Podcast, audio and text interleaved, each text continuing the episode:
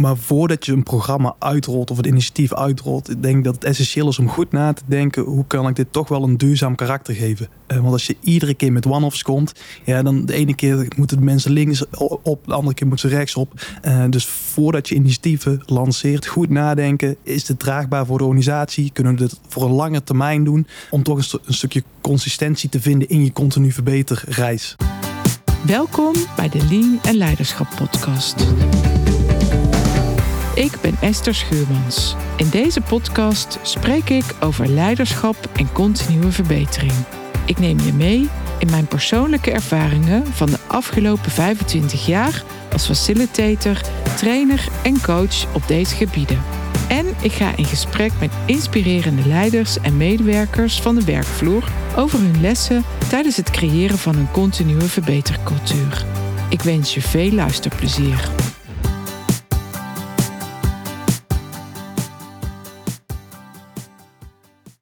Welkom bij de podcast over Champions League in Operational Excellence.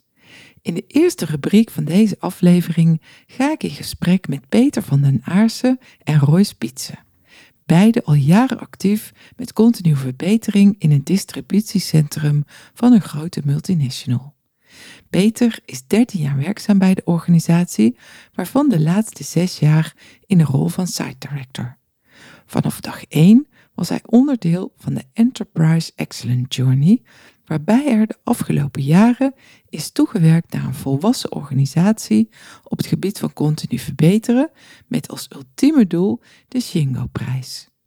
Roy Spitsen vervult de rol van Improvement and Change Manager en is zeven jaar werkzaam bij de organisatie. Roy is verantwoordelijk voor de continue verbeterprogramma's. Ik ben heel blij dat Peter en Roy hun ervaringen willen delen in deze podcast, omdat we wel kunnen stellen dat zij met hun teams Champions League spelen op het gebied van operational excellence.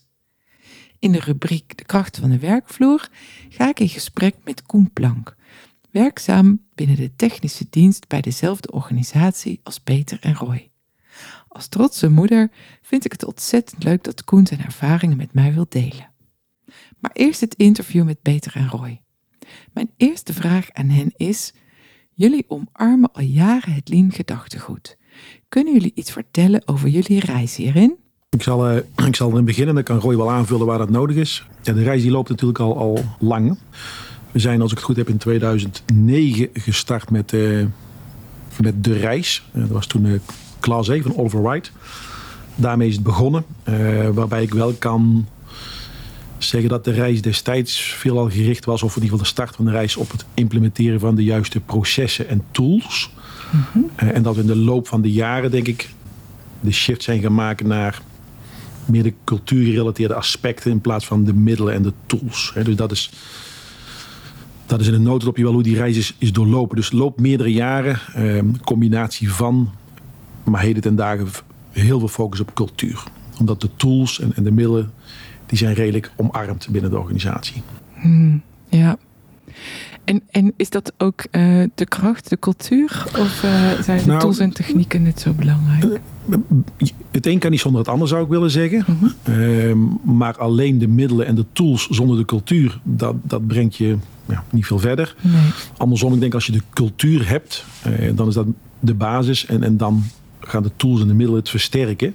Ja. Dus dan is het makkelijker om uiteindelijk de reis te voltooien, zou ik zeggen. En om ook de vruchten te plukken van, van de reis die je met elkaar wilt doorlopen. Ja, ja. Oké. En wat heeft het jullie uh, opgeleverd?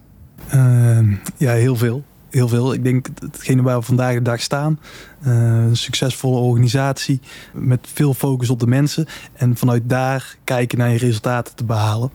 Ja, en daar wil ik ook wel, wel op, op aanvullen. Pak ik wederom even terug naar die cultuur. Ik denk met die cultuur creëer je commitment en engagement. En, en, dat is denk ik wat zo waardevol is voor, voor onze locatie. Zonder die commitment is het een, een, een lege huls. Uh, en dan heb je hele mooie middelen en dan, dan zijn het mooie plaatjes. Maar dan wordt het niet gedragen. En pas als mensen het omarmen, het, het, het, gedachtegoed van continu willen verbeteren, dan gaat het waarde opleveren. Want dan hoef je het, dan hoef je het niet aan te sporen. En uiteindelijk moeten de mensen zelf de manier van denken omarmen. Ja, En wat denk je wat nou heeft gemaakt dat het ook zo ehm, breed omarmd is? Ja, dat, dat was, ik denk, nog het, lastigste stukje in het hele proces. Daar hebben we denk ik ook wel wat lessons learned, zou ik haast willen zeggen. En, en het bestaat uit een aantal elementen. Het woord communicatie komt gelijk in mij op. Je moet zorgen dat je heel veel communiceert en mensen daarin in, in meeneemt. Eh, Maar alleen simpelweg een monoloog of, of, of een dialoog, dat je dus mensen daarover informeert, is niet voldoende. We hebben ze echt aan de hand moeten nemen. Om uiteindelijk te begrijpen waar kom je vandaan, waar wil je naartoe, wat is dan de toegevoegde, de toegevoegde waarde van zo denken, van, van, van lean. En pas als mensen in gaan zien dat het ook voor hun iets oplevert en uiteindelijk een bijdrage levert, wordt het omarmd. Ehm, ik, kan een voorbeeld noemen. Als je pakt ehm rootkoolsanalyse. Mensen moeten beseffen dat als je dus als er ergens iets fout gaat, wat helemaal niet vreemd is, dat gebeurt in iedere organisatie. Maar op het moment dat je met elkaar naar de rootkoos gaat kijken om te voorkomen dat het zichzelf herhaalt, dan hoeven ze morgen niet geconfronteerd te worden met hetzelfde euvel. Want niemand vindt het leuk om iedere dag te horen er gaat iets fout en wat heb je fout gedaan. En door mensen dan in te laten zien, oké, maar denk zelf gewoon goed na over de rootkoos. Want daar is, dat is prima, hè, dat, er gaat altijd iets fout. Maar als je dus op zoek gaat naar die rootkoos en vervolgens een correctieve actie om te voorkomen dat het zichzelf herhaalt, worden alle partijen er gelukkig van. Alleen het vraagt heel veel investering om, om, om de medewerker daarin mee te nemen. Ja, ja. Ja, en wat aanvullend daarop wat denk ik heel belangrijk is om goed na te denken over wat is de doelgroep, wat is hun rol erin en vervolgens je tools dusdanig aanpassen dat het ook aansluit bij, bij, bij de manier waarop ze werken. Eh, en dan vervolgens communiceren wat het belang ervan is. Eh, dus toch wel het customizen van je tools op de verschillende doelgroepen. Als ik het goed hoor, dan is eh, communicatie, maar ook dus vooral het uitleggen waarom. De Ja. why is heel erg belangrijk om mensen mee te krijgen. En het ehm, successen laten ervaren door mensen ehm, mee te nemen in de tools, in het zelf doen en ervaren. En daarmee ook te ervaren dat eh, terugkerende knelpunten opgelost worden. Zeg ik het dan Eh, goed? Ja, en, en dat is een aspect. Ik heb het dan over een, een- een, een issue door middel van een rootkoolsanalyse proberen te voorkomen. Maar dat is een middel wat we inzetten om continu te verbeteren. Maar als je bijvoorbeeld een, een Tim Moets verhaal pakt, ja, niemand weet in basis wat Tim Moets is. Maar als je ze dan mee gaat nemen en je, en je gaat het op een heel eenvoudige manier proberen uit te leggen.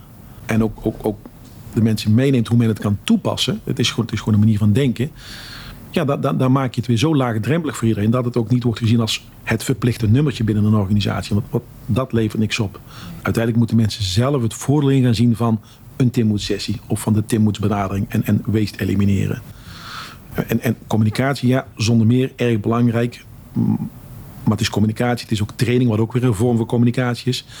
Wij hebben education sessies waarbij wij ieder jaar bijvoorbeeld heel de populatie meenemen in de theorie van een, van een RCA, een dat hebben we vorig jaar gedaan. Dat klopt, maar je moet dat blijven herhalen om te zorgen dat mensen en ook nieuwkomers ook weer bekend raken met de terminologie, met de methodiek en het mogen toepassen. En dus ieder jaar komen dat soort thema's gewoon terug om, om er uiteindelijk voor te zorgen dat, dat het routine wordt. Ja, dus het aspect eh, opleiding eh, noem jij, het tijd maken om te verbeteren. In hoeverre eh, maakt hier iedereen structureel tijd om te verbeteren? Zit dat ingepakt in jullie processen? Jazeker. En het, voorbeeld wat Peter net aanhaalt is denk ik een heel mooi voorbeeld. Eh, iedere medewerker wordt iedere maand 30 tot 45 minuten vrijgemaakt van zijn werk om naar die education sessies te gaan. Eh, nou, de, hele basis van die education sessies, dat woord zegt het al, is, is nieuwe dingen leren aan mensen. eh, die ze vervolgens mee terug kunnen nemen naar de werkvloer. Eh, daarnaast hebben we gewoon gestructureerde activiteiten die plaatsvinden. Denk aan ontwikkelgesprekken, denk aan één op met leidinggevenden waar, waar dus even gezeten wordt om over dit soort zaken te, eh, te zitten. Ehm, en vervolgens gewoon tijdens het werk wordt er tijd gemaakt om na te denken over verbeteringen, ehm verbeterideeën in te vullen in de vorm van ideeënkaartjes, eh, aan te sluiten bij root cause analyses. Dus ja, het is, het is fundamenteel om daar tijd voor vrij te maken, want vanzelf gebeurt het niet. Nee. In de vorige podcast die ik opnam kwam eh, naar voren als eh, antwoord op het grote verschil tussen westerse organisaties en, eh, en Toyota. Hierin ehm, de, de tijd die we vrijmaken voor de study and adjust, dus of de check and the act in de PDCA-cyclus. En dat het hier niet eh, gebruikelijk is om voldoende echt tijd te maken voor die, voor die check en die, en die act. Doen jullie dat bewust wel? Ook als er issues zijn? Ja, ik, ik denk dat die check en de act uh, bij iedereen zit verbeteren. Ik denk dat we zijn mensen, we evalueren, we willen allemaal vooruit en, en, en anders denken. Uh, vervolgens de discipline hebben om het ook te checken en te borgen, dat, dat vraagt wat meer. Ik denk dat de Oosterse cultuur dat, dat, dat vanuit nature meer hebben dan wij in het Westen. Uh, daarom is het super belangrijk om daar van tevoren over na te denken, vast te leggen in je processen. Ja. Uh, wat je helpt of wat je zelf misschien wat, wat forceert om te komen tot de, dat soort stappen uit te voeren. Uh, in de praktijk doen we dat gewoon in, inmiddels van projectstructuren. Dus een project eindigt niet na, na de implementatie, maar je hebt nog je controlefase en dergelijke. En dat laten terugkomen op verschillende niveaus. hele grote projecten tot kleine rootcause-analyses, waarbij we ook een effectiviteitscheck uitvoeren. maar ik blijf wel bij het heeft een bepaalde vorm van discipline nodig om het uit te, laten, uit te blijven voeren. Uh, en het heeft een structuur nodig om dat te laten plaatsvinden. Ja, ja. en in het heel klein, in het teams, um, als je een, een veilige situatie of een knelpunt of een verspilling, je noemt het Tim Moods, als je een verspilling ziet, zijn mensen dan geneigd om dat ook te melden? Ik weet niet of jullie een dagstart hebben vast. Uh, om dat bij de, of stand-up, bij de stand-up uh, echt te melden en wordt dat dan ook aangepakt? Ja, wij, wij, wij noemen dat T-Rain meetings. Dat is dus de start-up, hè, daar zullen jullie wel bekend mee zijn. Bij de T-Rain meeting wordt altijd naar de vorige dag gekeken. Dus hadden we gisteren missers, uh, rode kaapjes. Zodra er een constatering is dat er iets niet oké okay was, niet gehaald was of een kwaliteitsissue, wordt er gelijk bepaald, was het een one-off incident of heeft het een structurele karakter. Dan wordt er gelijk een RCA geïnitieerd, gepland. Uh, dus, dus dat vindt eigenlijk onder spot plaats. En er is dan ook altijd ruimte om daarmee aan de slag te gaan. En ik denk dat onze organisatie daar ook wel heel erg faciliterend in is. Omdat bij ons natuurlijk ligt de focus op efficiëntie en effectiviteit, zonder mm -hmm. meer. Maar prio 1 is veiligheid en prio 2 is kwaliteit. Dat kunnen wij niet vaak genoeg herhalen. Als je rondloopt, dan zie je dat ook overal ophangen. Prio 1 safety, prio 2 quality en prio 3 is performance. En doordat je dus, daar zet je de toon eigenlijk al mee. Dus, dus als je dat verwacht van je mensen, dan moet je ze ook de ruimte geven om dat dan ook op die manier in te vullen. Wauw. Heel tof. Ja, mooi zeg. Wat is jullie grootste les in de hele route van continu verbeteren? Of misschien heb je het al wel een beetje gezegd. Um, ja, deels wel. Uh, je moet dan denk ik weer terug naar het besef dat die cultuur het belangrijkste is. Uh, we zijn begonnen met klas E dat was heel erg gericht op processen en tools en middelen. Het, het mooie is dat al die, die elementen nog steeds omarmd worden en, en bestaan. Mm -hmm. Maar je moet uiteindelijk je, je basis op orde brengen. Dus, dus het, het hebben van die foundation, het creëren van engagement, dat is denk ik de sleutel tot succes uiteindelijk. En, en dat is veel lastiger om te bereiken dan een aantal tools implementeren.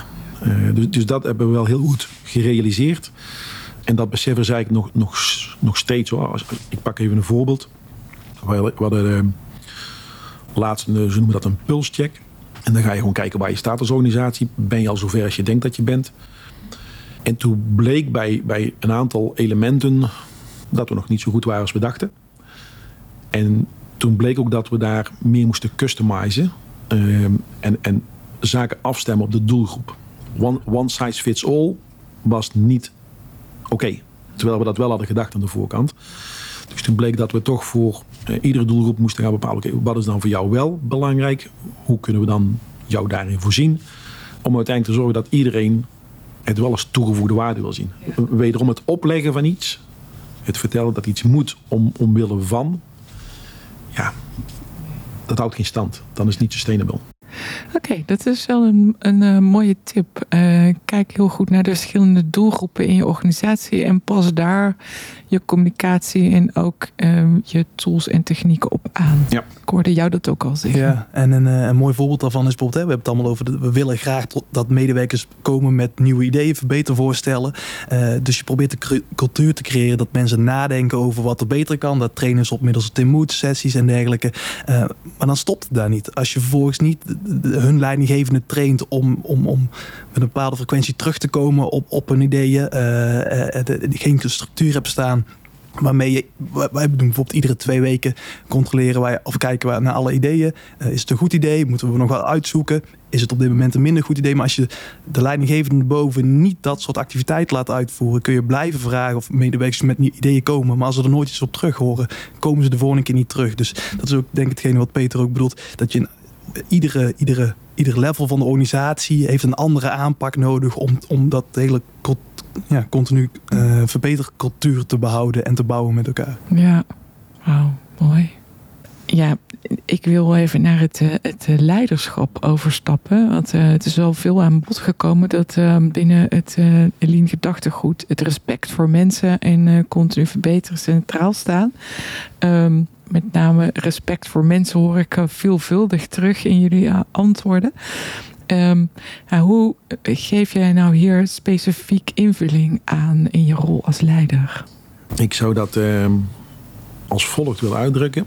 Lead with humility is, een term die wij veel gebruiken. En die wij hier binnen onze organisatie ook volledig omarmen.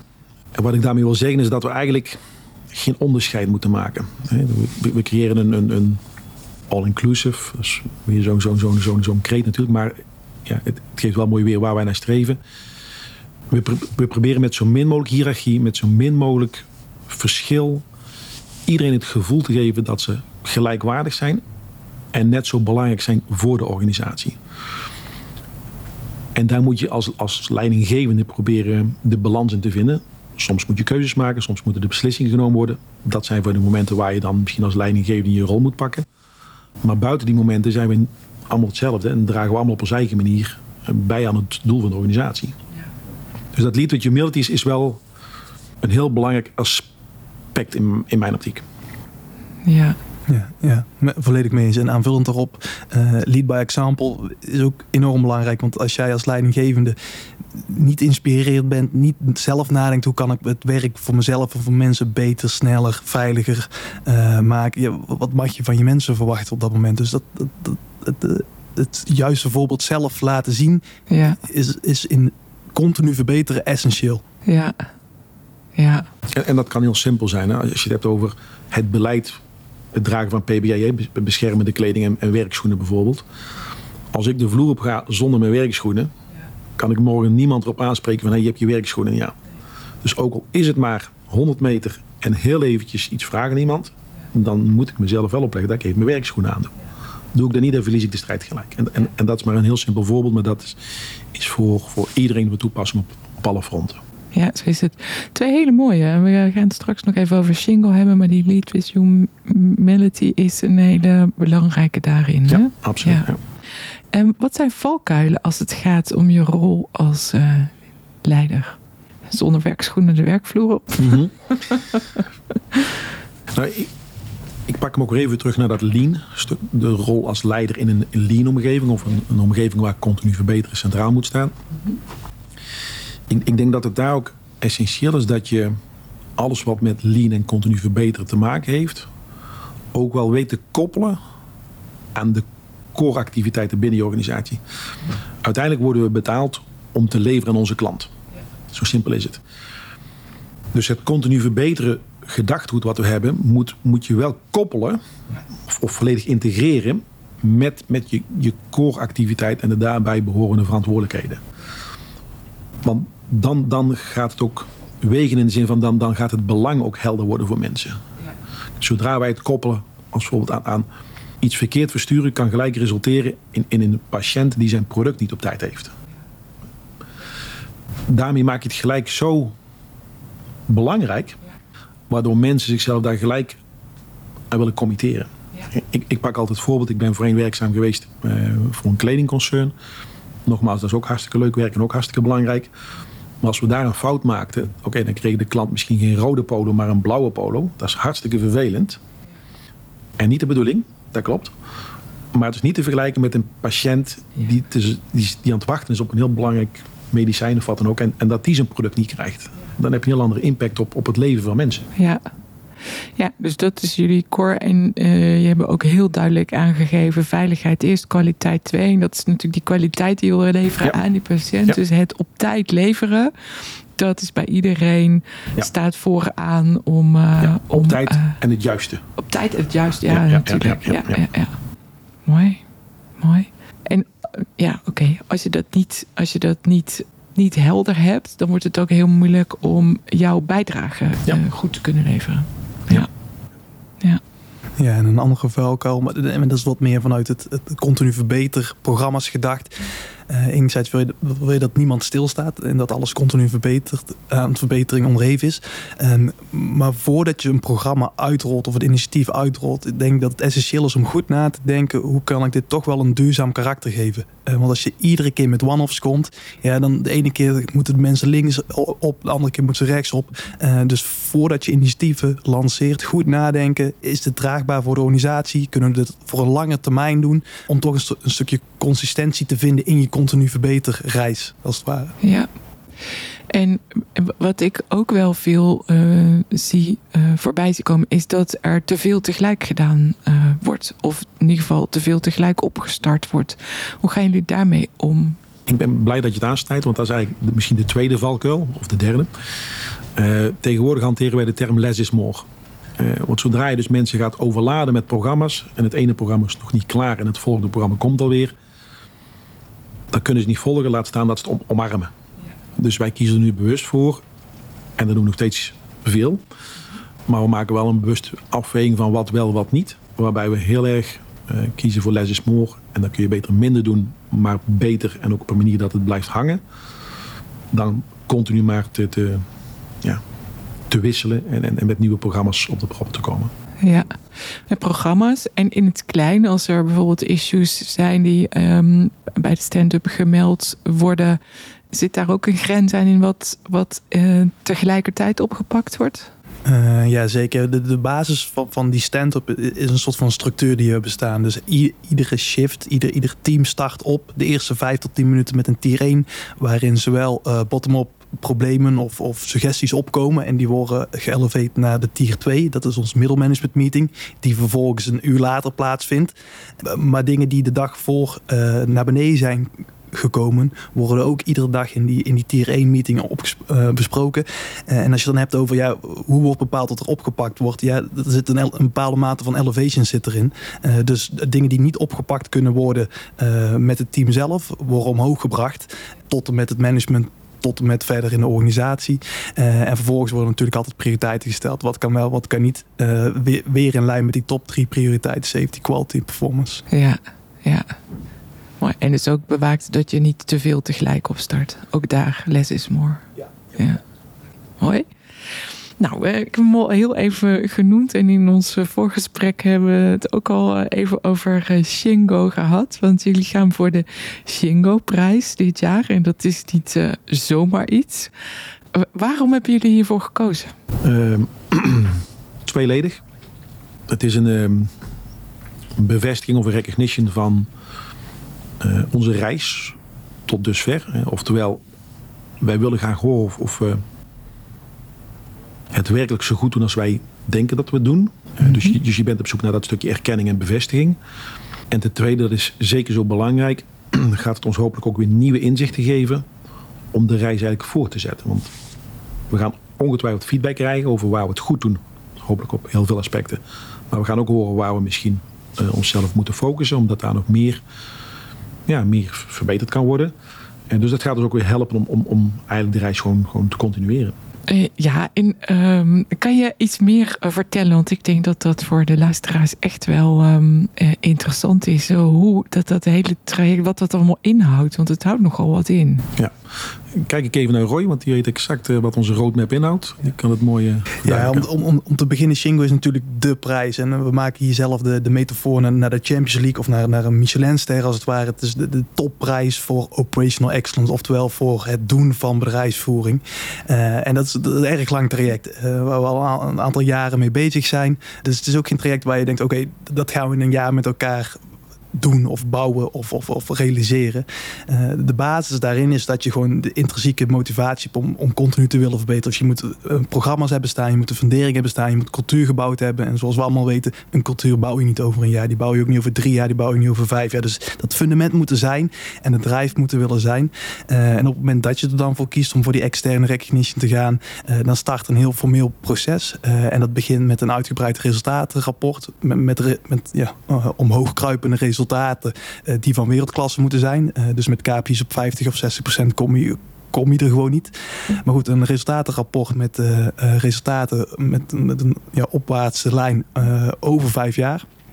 Uh, als die goedgekeurd wordt, krijg je een eerste gesprek. Gaan ze kijken, oké, wat, wat zijn je interne drijfsferen? dan komt er een medewerkerssurvey. Dus een enquête waarin ze de cultuur gaan meten in je bedrijf. Want je kan wel benoemen dat je het fantastisch doet. En je kan wel zeggen dat je resultaten hartstikke goed zijn. Maar ja, hoe, voelen de mensen zich daar dan bij? Is dat ook echt zo?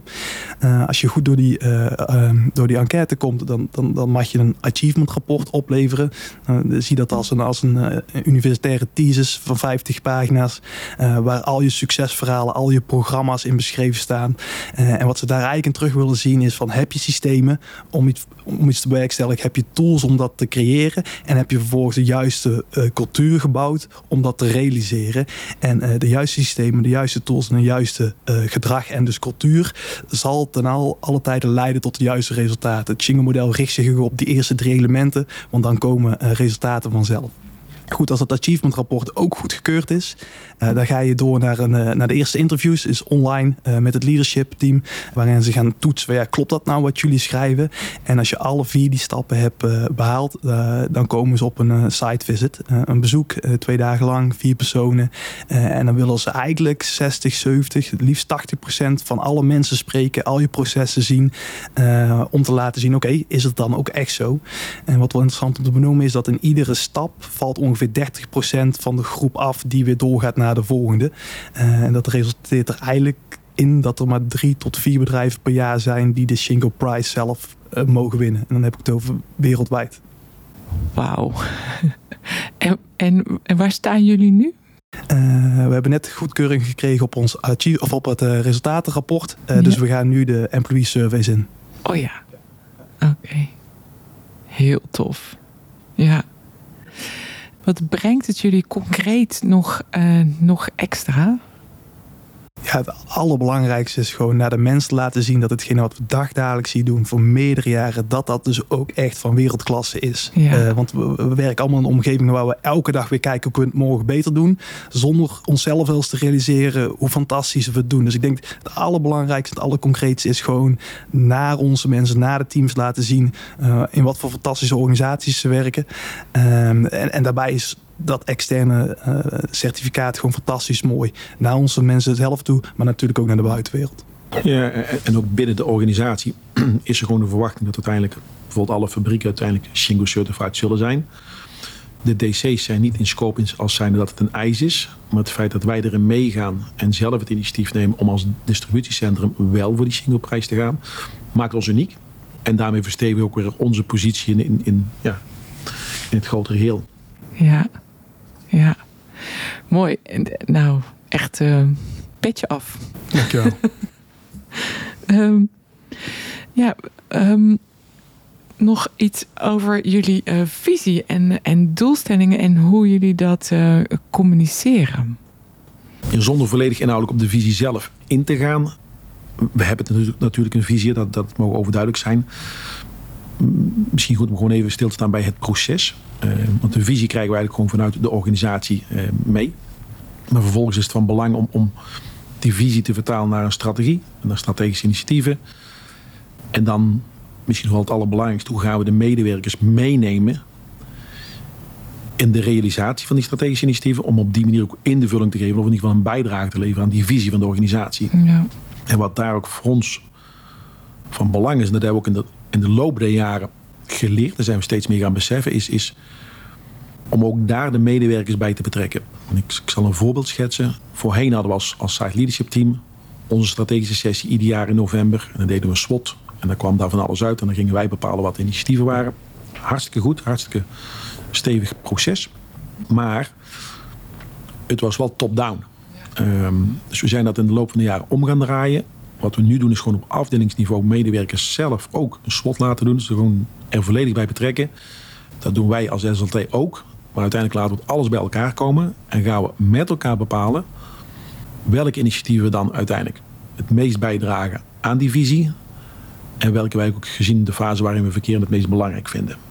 Dus het is niet meer zomaar een beslissing vanuit het SLT. We proberen ook daar de medewerker weer zoveel mogelijk in te betrekken. Pak ik wel terug naar een eerder aspect wat we genoemd hebben. Customization. Je moet de mensen wel meenemen in een manier dat ze ook het gevoel hebben daar een, een rol in te kunnen vervullen. Ja. Ja. Wauw, wat een mooie ontwikkeling zeg. Om, uh, om zover uh, de kanteling te maken naar uh, medewerkers bovenaan zetten in vakmanschap en, um, en de beste werkmethode te kunnen kiezen.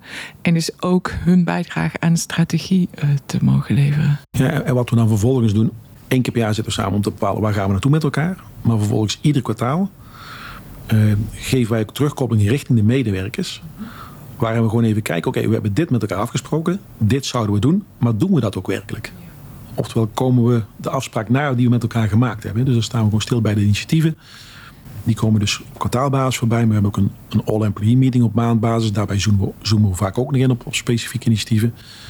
Dus het is niet alleen maar het moment in november. We proberen ze ook gedurende het jaar ja, eigenlijk continu mee te nemen in, in, in doen we ook datgene wat we met elkaar eerder hebben bepaald.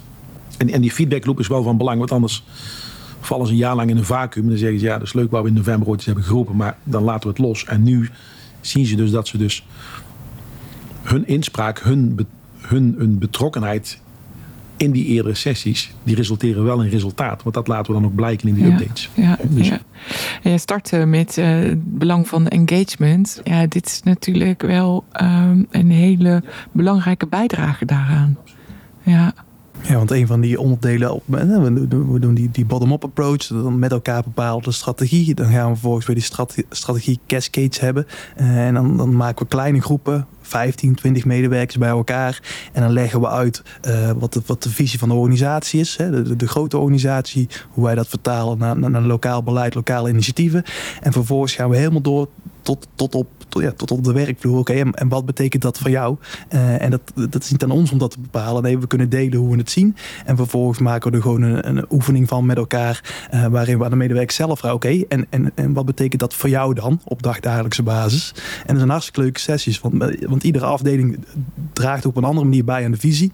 Uh, dus we hebben mensen vanuit het warehouse samen zitten met mensen van het kantoor. waardoor ze dus ook een eigen uitleg kunnen geven van ja, hoe draag ik bij dan aan het grotere geheel. Uh, er zijn hele leuke inter interactieve sessies met elkaar uh, die, die ook helpen om, om, om te begrijpen wat die visie dan voor jou betekent in jouw dagdagelijkse werk. Want vaak is het iets abstract en, en dit helpt daar gigantisch bij. Ja, oh, mooie, mooie aanvulling. Um, en besef van wat betekent dat dan voor jou en hoe ja. draag jij ja. daaraan bij als medewerker? En dat is weer voor elke doelgroep anders, dus voor iedereen anders. Ja. En daar wordt iedereen meegenomen in de organisatie. Ja, alle medewerkers. Geweldig. Um, ik heb nog twee vragen. Um, welke tip zou je nog mee willen geven aan de luisteraar? Want ik, ik kan wel al zeggen, jullie zijn enorm ver in je ontwikkeling. En dus jullie hebben ook al veel gezegd. Maar heb je een concrete tip die je graag mee zou willen geven aan andere organisaties die ook nog naar een hoger niveau willen komen op, uh, op operational excellence? Ja, er komt wel een in mijn op. Ik weet alleen niet of die heel concreet is. Maar ik zou zeggen, richt jezelf op, op, op, op die basis. Hè. Zorg ervoor dat de medewerkers betrokken zijn. Zolang ze dat niet zijn, wordt het heel moeilijk, denk ik, om, om een sustainable proces te realiseren. Ja, zorg dat de medewerkers betrokken zijn. En, en zeg ik het dan goed, als je dat als leiders te doen hebt, betrek je mm -hmm. medewerkers. Ja. ja. Dus dat is vooral je rol als leider Absoluut. om mensen erbij te Ja. trekken. Ja, dankjewel. Roy? Ehm, ja, dan val ik iets in herhaling. Ik denk dat het enorm belangrijk is dat als je wilt verbeteren, als je wilt groeien als organisatie, dat je dingen bedenkt die, die sustainable zijn. Eh, die, die je kan blijven gebruiken. Uh, want als je iedere keer van koers wijzigt, en, en, en voor ons kan een koers een visie zijn, uh, voor medewerkers kan een koers een programma zijn. En als je iedere keer weer wisselt, ja, dan, krijg je mensen niet mee. Dan, dan, dan, dan ze op een gegeven moment af. Dus denk goed na van tevoren. Is dit haalbaar voor iedereen? Kan ik dit op lange termijn blijven uitrollen? En hoe, hoe kan ik iedereen hierin betrekken? Ja, mooi. Dankjewel. Dankjewel. Um, dan, is er iets in dit interview uh, nog niet ter sprake gekomen wat je nog graag uh, zou willen meegeven? Ja, één, ding. Soms als ik op een verjaardag vertel, wat, doe je dan? Je bent bezig met continu verbeteren. En oh, weet je, dat hoeft bij ons het bedrijf niet. Ja, dat, dat, is gewoon niet waar. Dat is gewoon niet waar. Weet je, je kan niet zonder veranderen. Het is ook niet een vraag of je moet continu, uh, continu wil verbeteren. Het is gewoon een feit. Weet je, de klanten vragen meer. Uh, en of jij als bedrijf of je concurrenten gaan er invulling aan geven. Dus op een gegeven moment als je stopt met continu verbeteren, sta je stil. En zullen de concurrenten je inhalen oftewel je gaat achteruit. Dus de vraag is niet, moet ik continu verbeteren? Maar de vraag is gewoon, hoe doe ik dat? Ja. Uh, en, en daar zijn heel veel mo verschillende mooie methodieken in, waaronder Lean uh, en om, omarm het. Oké, okay. dankjewel. Mooie aanvulling. Ja, mooie afsluiting zou ik zeggen, daar ben ik het volledig mee eens. Ja, Oké, okay. dan wil ik jullie hartelijk danken voor deze bijdrage. Ik uh, ben heel blij dat jullie me hier wilden ontvangen en mee wilden werken aan dit uh, interview. Dus dank. Frisse kijk op kwaliteit door de bril van Esse Schuurmans. In het interview met Peter en Roy vertelden ze dat ze regelmatig een check doen om in stil te staan bij de vraag hoe ver ze nu werkelijk zijn op het gebied van continue verbetering. Op onze website www.qualityforall.nl staat een quickscan waarmee je deze check zelf eenvoudig kunt doen. In de show notes vind je de link. In deze rubriek ik verder in op de valkuilen die besproken worden in het interview met Peter en Roy. Als antwoord op de vraag over de valkuilen als lean-leider benoemt Peter de koppeling van continue verbetering met de core business. Als ik vraag naar het maken van keuzes, voegt hij de valkuil om te veel tegelijk te willen doen hieraan toe, met als statement less is more. Ik kom dit in praktijk inderdaad vaak tegen, dat de richting binnen een organisatie niet helemaal duidelijk is voor iedereen. Dat organisatiedoelstellingen nog niet helemaal zijn afgepeld tot de laatste man op de vloer en dat er nog te veel tegelijk gedaan wordt, wat weer vertragend werkt. In aflevering 13 van seizoen 1, met de titel Van visie naar strategie op één A4'tje, ga ik in op het onderwerp policy deployment. Het proces dat ervoor zorgt dat de visie vertaald wordt naar operationele doelen en acties, waardoor iedere medewerker weet hoe hij kan helpen bij het realiseren van de visie van de organisatie. Een handige methodiek die je hierbij kunt inzetten is de OGSM-methode, wat staat voor Objective, Goals, Strategy en Measurement. Wil je hier meer over weten? Luister dan nog eens naar podcast nummer 13. Het helpt je tevens bij het prioriteren van acties en te voorkomen dat er te veel tegelijk opgepakt wordt. Een volgend voorbeeld geeft aan hoe belangrijk de verbinding van de organisatiedoelstellingen met teamdoelstellingen en persoonlijke doelstellingen is. Een organisatie heeft als belangrijk speerpunt het thema duurzaamheid in haar visie. Dit is vertaald naar onder andere de volgende organisatiedoelstelling: minder dan 4% scrap produceren. Deze doelstelling was niet vertaald naar teamprestaties en persoonlijke prestaties. Ook werd er niet gesproken over de prestaties en helemaal niet over mogelijke verbeteracties, met als resultaat dat het werkelijke percentage scrap van 7,5% in stand gehouden werd. Omdat iedereen binnen de productie een bijdrage levert aan deze prestatie, was dit een zeer geschikte doelstelling om op te pakken in het kader van de transitie naar een continue verbetercultuur. Door het afpellen van de doelstelling zijn prestatieindicatoren per team en per medewerker vastgesteld. Dat wil zeggen, maximaal 4% scrap per machine in een shift, een doelstelling voor het team, signalering van afwijkingen binnen twee uur, een doelstelling voor de teamleider, en het tijdig stilzetten van een machine in geval van kwaliteitsproblemen. Een opdracht voor de operator. Ook zijn verschillende momenten vastgesteld voor de evaluatie van de prestaties en werden verbeteracties bepaald op deze momenten. Het gaat om dagelijkse, wekelijkse, maandelijkse en kwaliteitscirkels per kwartaal met verschillende functionarissen. Binnen een half jaar zakt het scrappercentage onder de 4%, met als bijvangst een hogere productiviteit en meer bewustzijn op kwaliteit en dus verlaging van kosten. Een mooi voorbeeld dat laat zien wat policy deployment en een passende structurele verbetering op kan leveren. Een belangrijke voorwaarde is wel dat de verbetering wordt volgehouden. Anders zul je zien dat de prestaties weer afnemen. Heb je vragen over policy deployment? Neem dan gerust contact met me op. Ik help je graag verder. De kracht van de werkvloer. Hey Koen, hartstikke eh, bedankt voor de leuke rondleiding ehm, over de werkvloer binnen de organisatie. En uh, super leuk dat je um, dit interview met mij wil doen.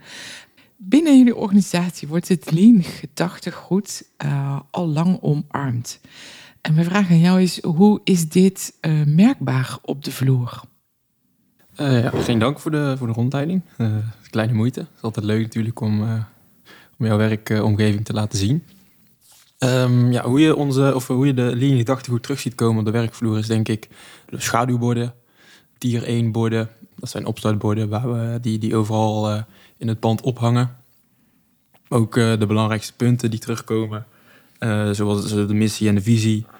De, de drie andere punten, veiligheid, kwaliteit en performance, die in, in die volgorde ook heel duidelijk terugkomen. En wat heel belangrijk is binnen de organisatie.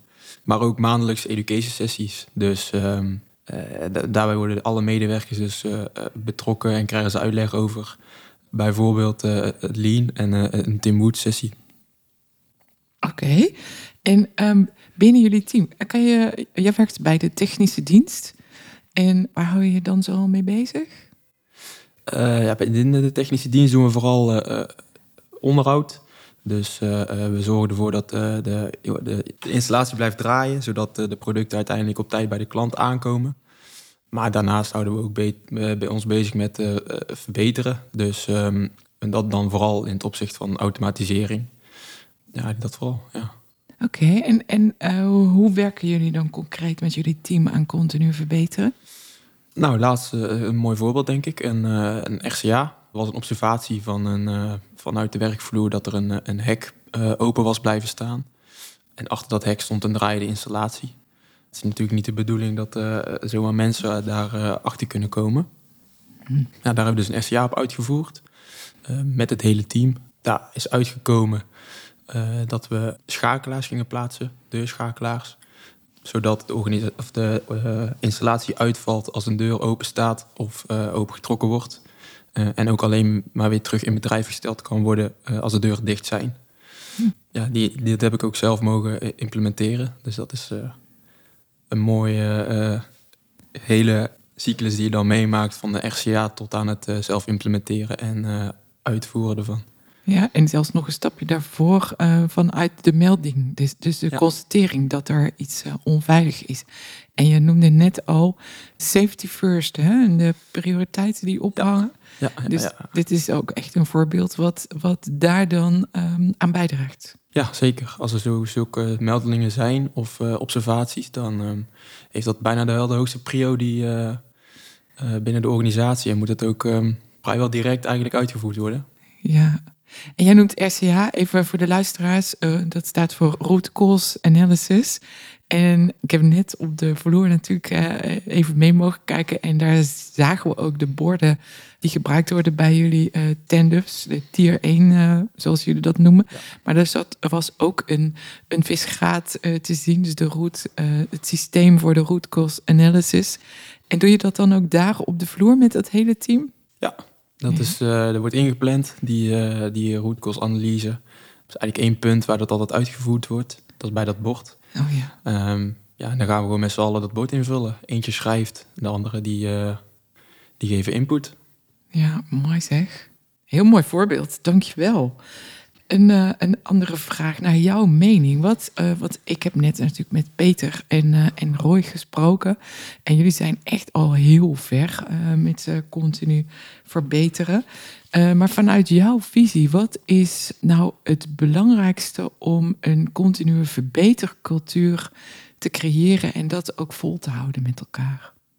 Ehm, ja, ik denk de tijd en de ruimte bieden voor de medewerkers. ehm, om zich ook daadwerkelijk daar eh, een keer over na te denken. Een keer ehm, te gaan kijken, hè, hoe, hoe gaat dat in zijn werking.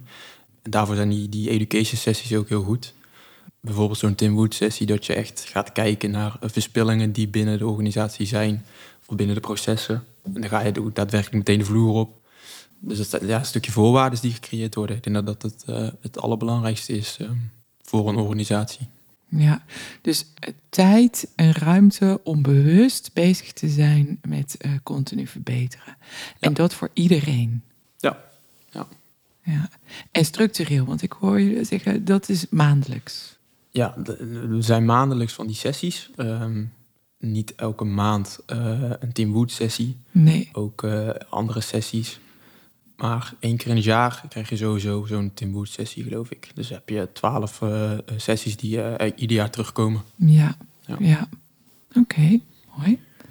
Ehm, een ehm, van de eh, punten die ehm, naar voren kwam, is ook het eh, over leiderschap. Hè? En, eh, als lead with humility werd genoemd eh, door de leiders bij jullie. Wat merk jij daarvan op de vloer?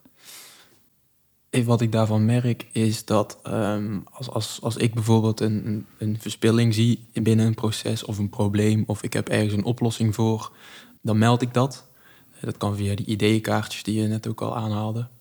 Ja, en als ik dat dan invul of aangeef of, of, of eh, laat zien, ehm, dan wordt word je zelf ook helemaal meegenomen in het gehele proces. Dus in het bijvoorbeeld dan zo'n RCA of het eh, bedenken met een kleine groepje voor eh, eh, wat, de beste oplossing zou kunnen zijn voor dat probleem.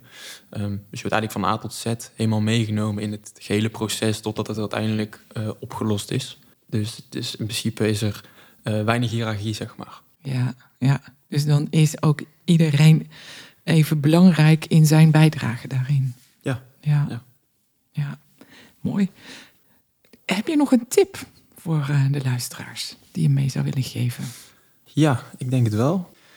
Mijn tip zou zijn, zal zijn, ehm, kijk eens bewust naar de alle handelingen die jij verricht tijdens jouw werkzaamheden. Dus ehm, eh, ga daar eens bij stilstaan en ja, zoek, zoek Tim Woods op en kijk wat, daar, eh, wat die betekenissen zijn.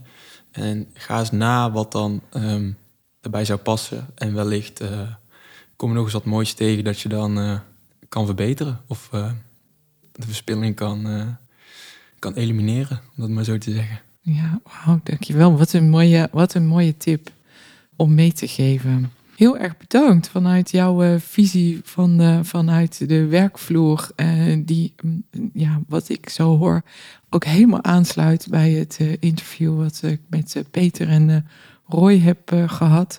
Nogmaals heel erg bedankt voor, eh, voor de leuke rondleiding. En heel veel succes met, eh, met het continu verbeteren. Ja, dankjewel. Dankjewel. Bedankt dat ik hier mocht zijn. Kijk in de spiegel. Ik heb deze keer drie vragen voor je. Ten eerste, hoe duidelijk zijn de doelstellingen voor de medewerkers in jouw team? Dat wil zeggen, organisatiedoelstellingen, teamdoelstellingen en persoonlijke doelstellingen.